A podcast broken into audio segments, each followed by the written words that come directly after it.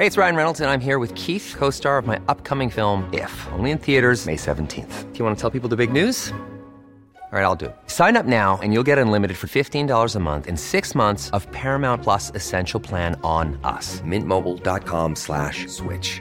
Upfront payment of $45 equivalent to $15 per month. Unlimited over 40 gigabytes per month. Face lower speeds. Videos at 480p. Active Mint customers by 531.24 get six months of Paramount Plus Essential Plan. Auto renews after six months. Offer ends May 31st, 2024. Separate Paramount Plus registration required. Terms and conditions apply if rated PG. There's never been a faster or easier way to start your weight loss journey than with PlushCare.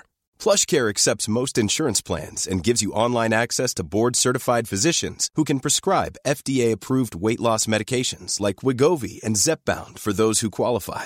Take charge of your health and speak with a board-certified physician about a weight loss plan that's right for you. Get started today at plushcare.com slash weight loss. That's plushcare.com slash weight loss. plushcare.com slash weight loss. Millions of people have lost weight with personalized plans from Noom, like Evan, who can't stand salads and still lost 50 pounds. Salads, generally, for most people, are the easy button, right? For me, that wasn't an option. I never really was a salad guy. That's just not who I am. But Noom worked for me. Get your personalized plan today at Noom.com. Real Noom user compensated to provide their story. In four weeks, the typical Noom user can expect to lose one to two pounds per week. Individual results may vary.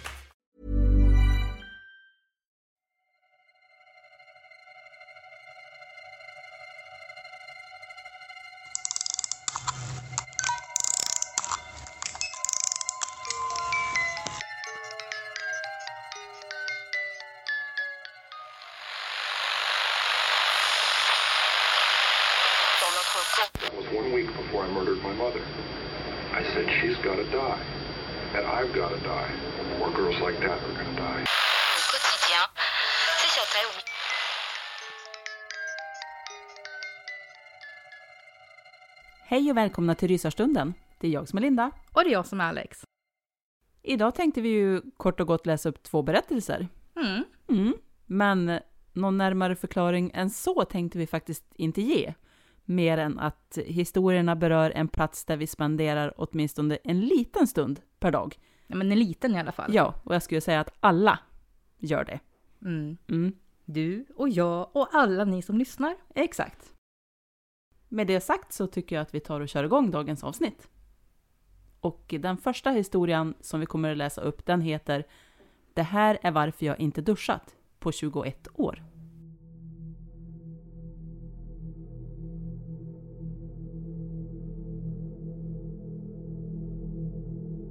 Jag har mardrömmar. Mardrömmar om att jag blir instängd i duschen. Det är stopp i avloppet och vattnet från duschen slutar inte droppa ner på mig. Vattennivån stiger till mina anklar, till min midja och slutligen upp över mitt huvud. Duschdraperiet förändras till glas och mitt skrik blir till ett gurglande läte. En svart figur syns plötsligt på utsidan. Den kommer närmare och trycker sitt ansikte mot glasväggen och stirrar på mig. Jag slår på glasväggen, men figuren släpper inte ut mig. Jag börjar svälja vatten och känner hur allt börjar svartna och hur jag hjälplöst faller och drunknar i min kista av glas.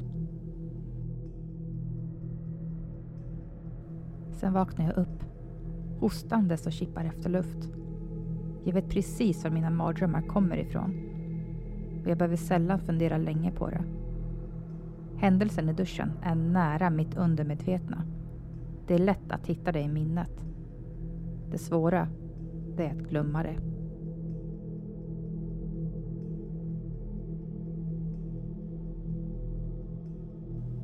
Det var sommar och vi fick nya grannar. Nilssons. Jag minns det för det var sommaren som jag fyllde 12 år. Grannarna som flyttade in var tre personer. En av dem var en riktigt gammal kvinna. Hon var väldigt liten och tanig, lite skelettliknande. Hon hade vitt tunt hår och en blå blommig klänning. Hon satt i rullstol och kvinnans huvud hängde liksom ner från hennes nacke och gungade åt sidorna när mannen styrde henne upp för rullstolsrampen och in i huset. Just då hade jag svårt att veta om kvinnan levde eller om hon var död. En liten stund senare dök hon upp i ett av sovrumsfönstren på övervåningen. Fortfarande sittandes i sin rullstol. Mannen hade parkerat kvinnan så att hennes ansikte kollade rakt in i mitt sovrum. Jag sneglade försiktigt fram bakom gardinerna där jag stod i fönstret. Hennes huvud var upprätt nu och hon stirrade rakt på mig utan att blinka. Jag drog försiktigt igen mina gardiner. Flera dagar satt hon där vid fönstret. Hon tittade på bilarna som åkte upp och ner längs vår gata. På grannungarna som lekte, hoppade studsmatta eller bara sprang omkring. Jag såg aldrig någon annan i rummet med kvinnan. Och jag såg henne aldrig flytta sig från rullstolen vid fönstret. På kvällarna brukade jag nervöst kika ut genom gardinerna. Det var kolsvart i hennes rum men jag såg hennes silhuett kvar vid fönstret. Fortsatt stirrande ut genom natten och in i mitt sovrum. Jag visste egentligen inte. Men jag svär på att hon stirrade på mig. Det började gå rykten om henne bland mina vänner i området där vi bodde. Det sades bland annat att hon var en häxa. Att hon bara var en docka eller till och med att hon var död.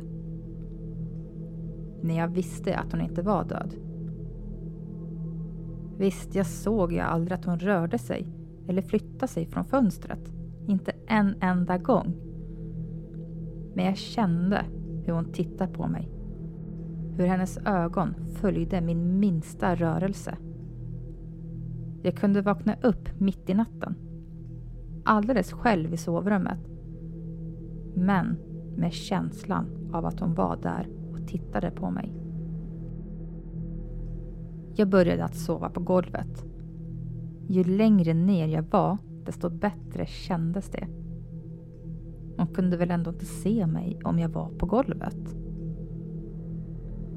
Jag berättade för mina föräldrar att den gamla kvinnan i huset mittemot skrämde mig.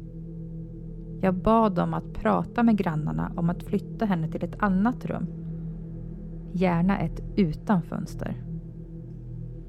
Men de bara skrattade åt mig och sa att jag skulle låta henne leva sina sista år som hon ville.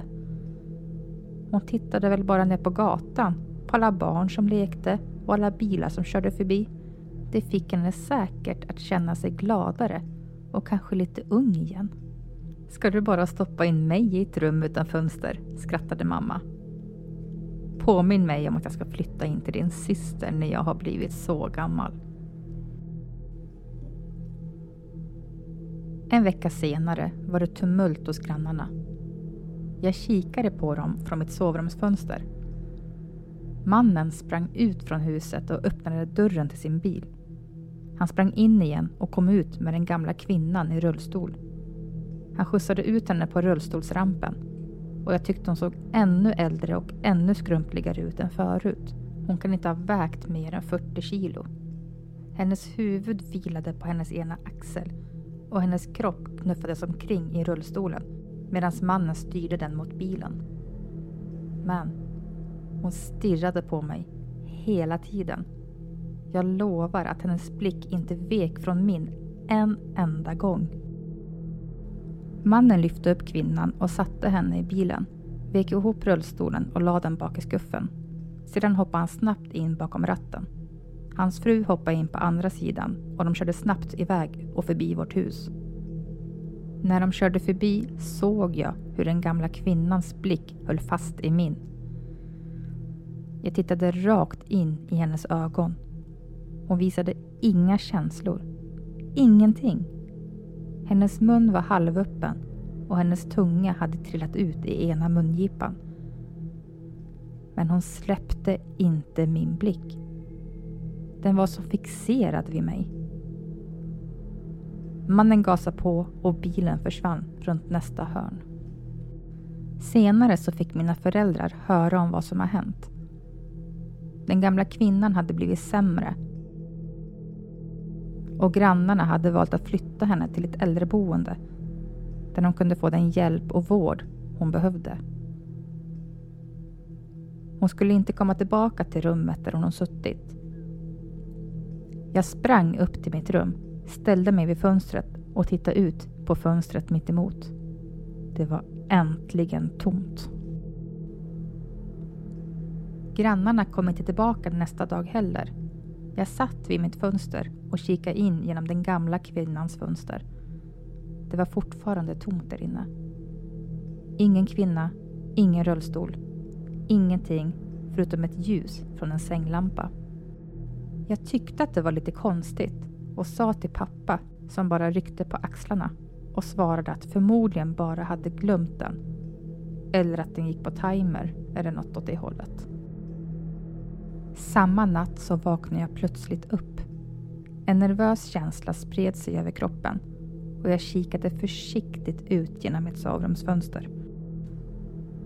Sänglampan i den gamla kvinnans rum var fortfarande tänd. Men plötsligt släcktes den. Jag duckade snabbt ner med huvudet, chockad över händelsen. Sakta och försiktigt lyfte jag på huvudet igen och kikade bort mot fönstret. Jag förväntade mig att se en siluett av en tunn skelettliknande kvinna. Men jag såg ingenting förutom ljuset som blinkade. Den natten sov jag på golvet igen och jag kramade om min kudde så hårt jag kunde.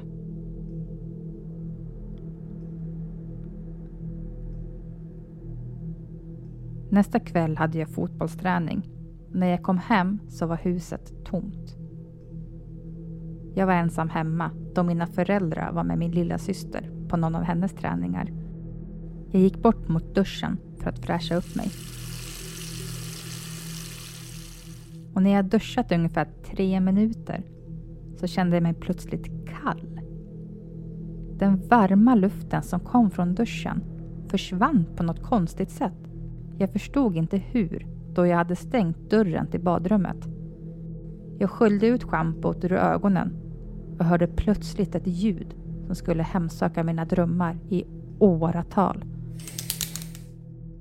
Ljudet av metallringarna som höll upp duschdraperiet.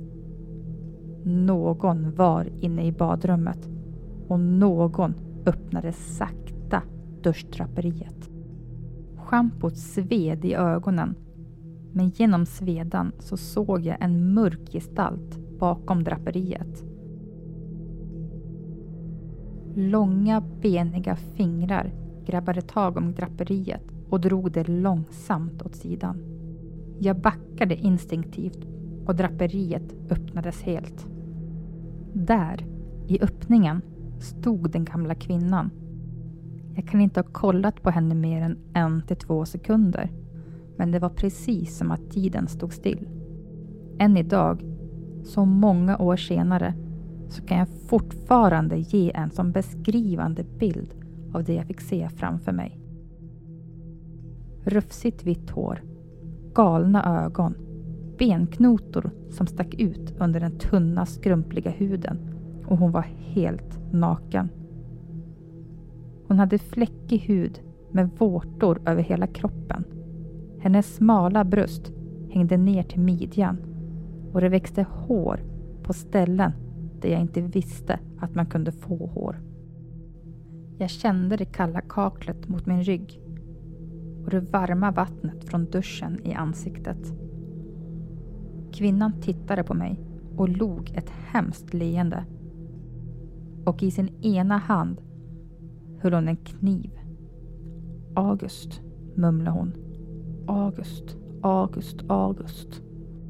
Jag störtade ut från duschen och förbi henne och råkade putta till henne så hennes nakna tunna kropp föll ner på golvet.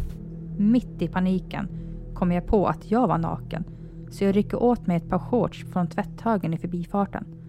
Jag sprang ut från huset utan skor och bort till en kompis som bodde en bit ifrån oss. När polisen till slut kom hittade de den gamla kvinnan i badrummet ihopkrupen på golvet med duschen fortfarande igång. Polisen var väldigt snäll med mig och sa att jag hade varit modig. Jag berättade att hon hade kallat mig för August och undrade ifall de förstod vad hon hade menat. Ja, det är augusti om några dagar, sa den ena polisen. Det kanske var det hon menade. Det är inte så lätt att förstå när de blir gamla. Och ja, lite knäppa. Grannarna kom tillbaka till huset en sista gång för att hämta sina saker. Huset var återigen till salu. Mamma berättade att hon hade svårt att prata eller ens se åt grannarnas håll efter det som hade hänt. Tydligen så hade de kört kvinnan How would you like to look five years younger? In a clinical study, people that had volume added with Juvederm Voluma XC in the cheeks perceived themselves as looking five years younger at six months after treatment. Look younger, feel like you. Add volume for lift and contour in the cheeks with Juvederm Voluma XC. Reverse signs of aging by adding volume to smooth laugh lines with Juvederm Volure XC. For important safety information and to find a licensed specialist, visit juvederm.com. That's J U V E D E R M.com. Not for people with severe allergic reactions, allergies to lidocaine, or the proteins used in Juvederm. Common side effects include injection site redness, swelling, pain, tenderness, firmness, lumps, bumps, bruising, discoloration, or itching. There's a risk of unintentional injection into a blood vessel, which can cause vision abnormalities, blindness, stroke, temporary scabs, or scarring. Talk to a licensed specialist to find out if it's right for you. Hiring for your small business? If you're not looking for professionals on LinkedIn, you're looking in the wrong place. That's like looking for your car keys in a fish tank. LinkedIn helps you hire professionals you can't find anywhere else, even those who aren't actively searching for a new job but might be open to the perfect role. In a given month, over 70% of LinkedIn users don't even visit other leading job sites. So start looking in the right place. With LinkedIn, you can hire professionals like a professional. Post your free job on linkedin.com slash people today. var mannens mamma till ett hem för äldre lite utanför stan. Men på något sätt hade hon lyckats ta sig tillbaka till vår gata och in i vårt hus. På vilket sätt som hon lyckades med det var det ingen som förstod. Och allra minst jag själv. Hon var ju så gammal och skrumplig, så hjälplös. Hon rörde sig knappt de där sista veckorna som hon bodde där i huset bredvid oss. Hur hade hon lyckats att ta sig tillbaka flera kilometer eller till och med mil helt själv? Hur som helst, ni kan ju förstå vad det här gjorde med mig. Jag kunde inte duscha på 21 år. Jag badade dock, vilket i och för sig är samma sak. Jag är ju ett badkar med varmt tvåligt vatten. Men en dusch. Inget går upp mot en lång, härlig dusch. Du kan försvinna in i dina tankar medan ångan av det varma vattnet stiger upp och klättrar upp för väggarna. Det är bara du och dina tankar. Och det känns så himla tryggt. I ett par minuter. Det är bara du i ditt alldeles egna kungarike. Men det är ju det också. Det där som gör duschen så farlig. Du är ensam, sårbar och naken. Helt utelämnad. Jag pratade ofta om det med mina föräldrar och med en psykolog. Men mest försökte jag trycka ner händelsen djupt inom mig. Så långt att jag inte kunde hitta den igen. Jag har faktiskt inte pratat om det sedan jag var ett barn. Livet fortsatte ändå. Förutom duschen så var jag rätt så normal. För ett par månader sedan så var det något som sköljde till inom mig. Jag fick en stark känsla om att återuppleva händelsen igen.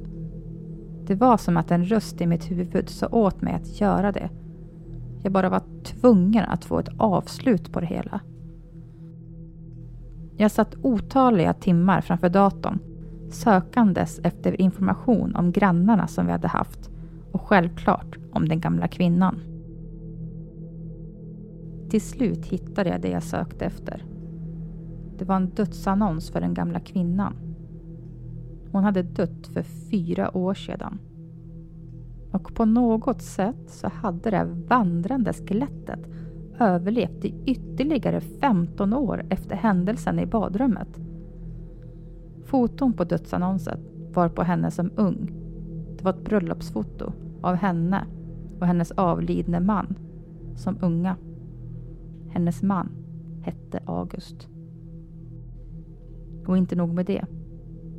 Han såg ut precis som jag. Jag stängde ner datorn och stirrade tomt framför mig. Nu först förstod jag varför hon hade kallat mig för August och varför hon alltid kollade på mig. Men undrar varför hon hade en kniv med sig den där kvällen i duschen. Men för en stund så började det plötsligt kännas bättre. Saker och ting föll på plats. Och jag fick en bättre förståelse för det som hade hänt. Och då brukar det ju faktiskt kunna kännas bättre. Plötsligt hördes en röst bakom mig. Älskling, är allting bra? Det var min fru som ropade. Ja, jag tror det, svarade jag. Och jag tog den allra första duschen på åratal. Jag hoppade inte ens till när duschdraperiet drogs isär och min fru kom och gjorde mig sällskap. Men när hon kom närmare mig under duschens varma vattenstrålar så var det en fråga som hade fastnat i mitt huvud. Hur kom det sig att kvinnan på fotografiet såg exakt ut som min fru?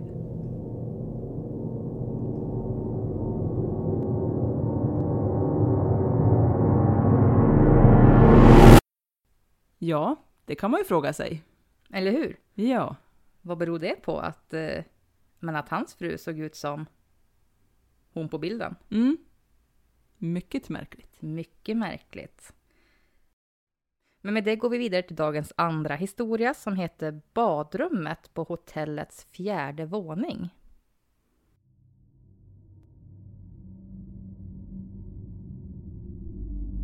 Badrummet på hotellets fjärde våning. Det var på fjärde våningen på ett hotell som allting utspelade sig. En man gick in på ett hotell efter att ha varit på resande fot i flera dagar. När han kom in i receptionen trodde receptionisten att mannen var sjuk. Och om sanningen ska fram så såg det faktiskt ut som att han var det. Han frågade om han kunde få boka ett hotellrum i tre nätter efter att ha förklarat vad han hade varit med om. Han berättade för receptionisten att han hade varit på resande fot de senaste dagarna genom företaget. Men det här hotellet skulle komma att bli det sista hotellet han någonsin skulle övernatta på.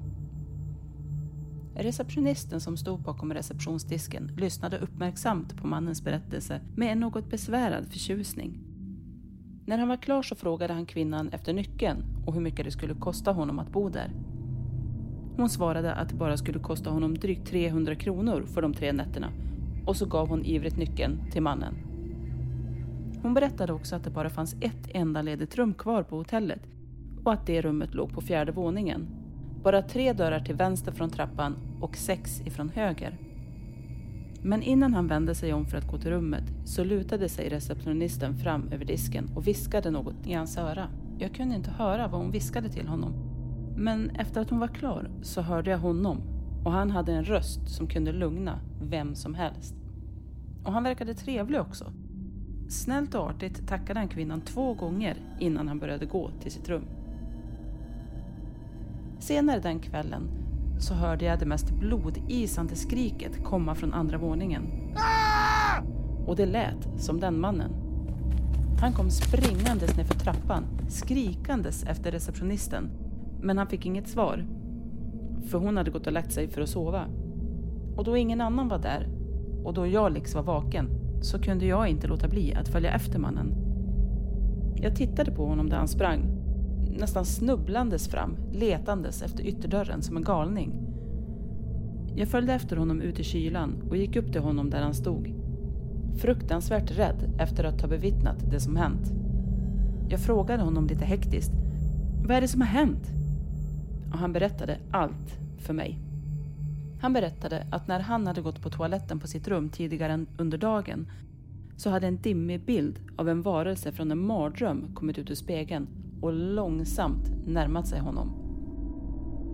Han hade bortförklarat det hela snabbt med att det bara var hans fantasi som spelade honom ett spratt. Men han fortsatte att berätta att det inte var förrän senare på kvällen som han verkligen hade fått sig en bra bild över varelsen. Han berättade att den log. Fast det var mer än bara ett leende. Det var nästan som om mungiporna på varelsens mun gick runt hela huvudet. Och tänderna. Så noggrant han beskrev tänderna. Mannen förklarade att det fanns något spöklikt över tänderna men att de var dränkta i blod och de var sylvassa. Mannen berättade också att varelsens tänder såg ut som om de höll på att ruttna bort och att några av dem såg ut att ha punkterat varelsens läppar. Sedan beskrev han varelsens ögon och jag frös till när han berättade om att ögonen hade en rödlila färg. De såg ut som tomma hålor som ledde in i ingenting, där någon kunde fångas. Han frågade mig om jag hade sett den där saken.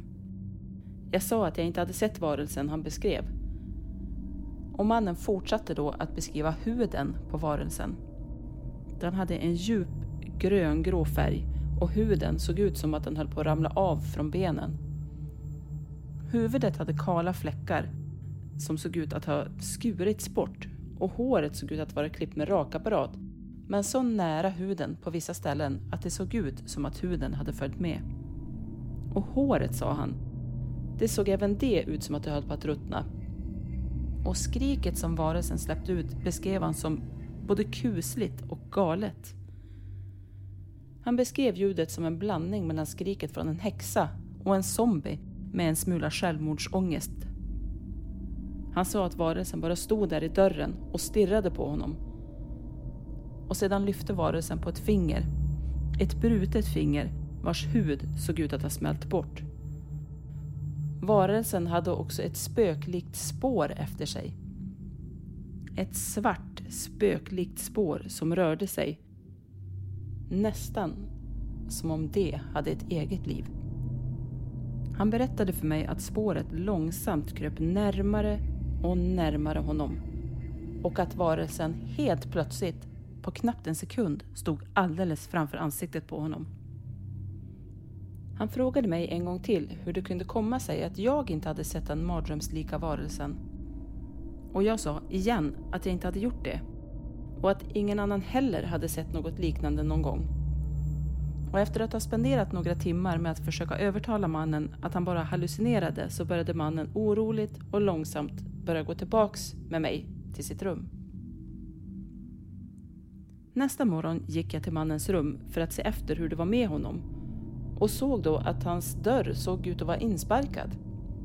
Den hade djupa klösmärken, som efter klor och den hade också en märklig symbol på sig. Jag ryckte på axlarna och tänkte att det måste vara någon som har gjort inbrott i den här delen av hotellet. Jag gick långsamt in i rummet och tittade mig runt. Och det såg ut som att det hade dragit en tornado genom rummet. Sönderrivna kläder, trasiga tavlor och vaser låg utspridda över hela golvet. Golvet var upprivet och madrassen låg sönderriven i en hög och den hade ännu djupare klösmärken än det var på dörren. Det var hål i väggen och även på väggen så syntes det klösmärken. Och än en gång såg jag märkliga symboler.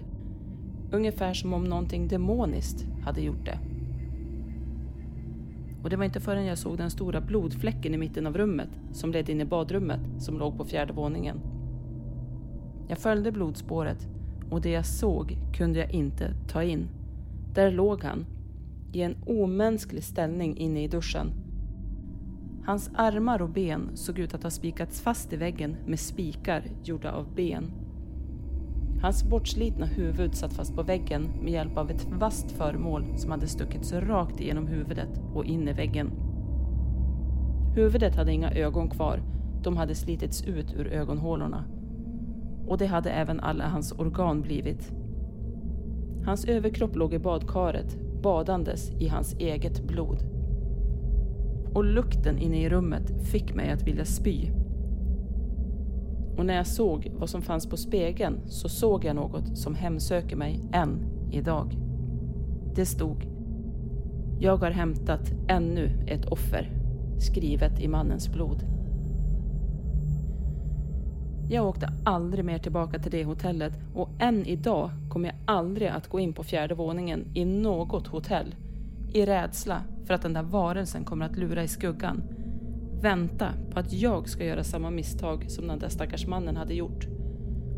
Och jag säger er som lyssnar på det här. Gå aldrig högre upp än till tredje våningen på något hotell. Speciellt inte till något badrum. För man vet aldrig. Den här varelsen kanske lurar i den minsta skuggan.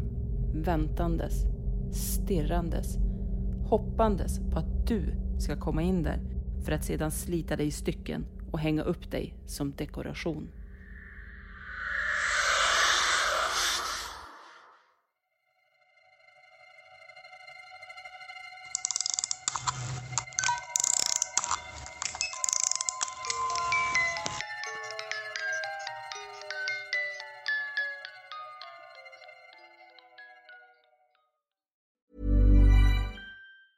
Even on a budget, quality is non-negotiable. That's why Quince is the place to score high-end essentials at 50 to 80% less than similar brands. Get your hands on buttery soft cashmere sweaters from just 60 bucks, Italian leather jackets, and so much more. And the best part about Quince, they exclusively partner with factories committed to safe, ethical, and responsible manufacturing. Elevate your style without the elevated price tag with Quince. Go to quince.com slash upgrade for free shipping and 365-day returns. Even when we're on a budget, we still deserve nice things. Quince is a place to scoop up stunning high-end goods for 50 to 80% less than similar brands. They have buttery soft cashmere sweaters starting at $50, luxurious Italian leather bags, and so much more. Plus, Quince only works with factories that use safe, ethical, and responsible manufacturing. Get the high-end goods you'll love without the high price tag with Quince. Go to quince.com slash style for free shipping and 365 day returns.